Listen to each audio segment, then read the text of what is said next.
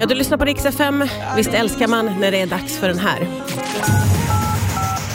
Martina Thuns lyssnarkorre. Ja, idag ska vi vända örat mot Skara. Hallå igen säger jag till Ulf.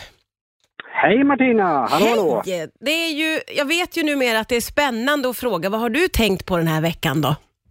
Ja, ett mycket viktigt område. Jaha. J- jämlikhet. Oj, det är ett stort område. Ett stort område, men det finns några delar i det området som jag inte riktigt fattar. Och de ska vi ta nu. Ja, det är ju det här med, det finns ju en del herr och damsaker i samhället som jag inte riktigt fattar varför det finns. Okej. Och då har vi, ja, det typiska exemplet är ju herr och damcyklar. Varför finns det herr och damcyklar? Det där har jag inte fattat heller alls Nej. faktiskt. Vad har du för tankar kring det där? Ja, men jag kan ju säga bara så här att jag tog en tur på frugans cykel häromdagen och, och det funkar.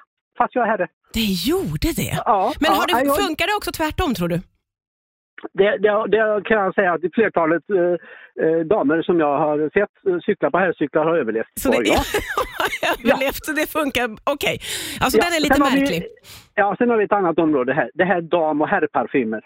Ja, okej. Varför ska damer lukta på ett visst sätt? Herrar på ett visst sätt. Jag tänker om jag på morgonen råkar få på mig frugans damparfym liksom när jag ska gå till jobbet. Är det så att om någon har ryggen mot mig tror att det är Gunilla i receptionen som de har bakom sig eller, eller liksom tror de att det är jag om jag luktar eh, av en damparfym istället? Ja, det Alltså, där jag är- förstår heller inte. Det där är ju en intressant fråga, för jag tycker parfymer är ju så himla, de luktar ju så olika beroende på vem som har Ja. dem på sig, så det där borde ju inte spela någon roll alls egentligen.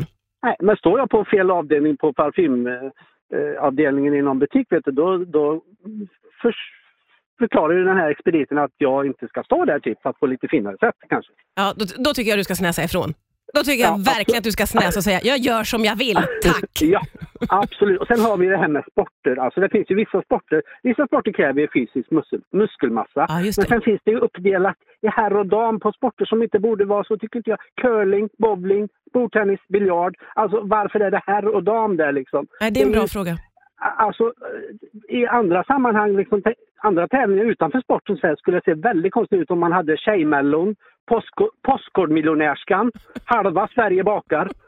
Eller varför inte veckans dragning i Tjejlotto? Alltså, det, det, nej, jag vet inte om det är bra. Nej, jag håller med dig. Jag tycker att det är underbart att du lyfter den här frågan och jag hoppas att många får med sig en tankeställare när du också kommer med väldigt bra exempel här. Ja, och så får- har vi ju det här lite avslutningsvis, då har vi det med herrklubbar. Varför finns det något som heter herrklubbar? Folk går och träffas och, och röker cigarr och dricker champagne eller jag vet inte vad de gör, jag har aldrig varit med i någon. Nej, men jag vet inte heller, är det det man gör på en herrklubb? Ingen aning faktiskt, men jag tänker, eftersom det heter herrklubb, varför heter det inte bara klubb? Och diskuterar man då herr, saker som de som är med i klubben tror är mer manligt då på något sätt? Är det liksom rakludder och vinterdäck? Eller, jag har ingen aning vad man diskuterar på, på, på sådana här klubbar. Alltså. Skulle Så det- det- vilja, skulle vilja att du infiltrerar en herrklubb och återkommer med info till alla oss andra som aldrig har fått vara med. Ja, jag borde, så så min, min spaning i veckan, varför finns det uppdelat inom vissa områden som inte jag har förstått? Eller är det jag som inte har förstått det här? Eller? Ja, ja. Jag tror att vi är många med dig faktiskt och jag uppskattar att du lyfter den här frågan. Förhoppningsvis eh, så kan vi liksom föra ut den till fler i samhället. Än en gång har du gjort en samhällsgärning, Ulf. Tack Martina! Men tack själv!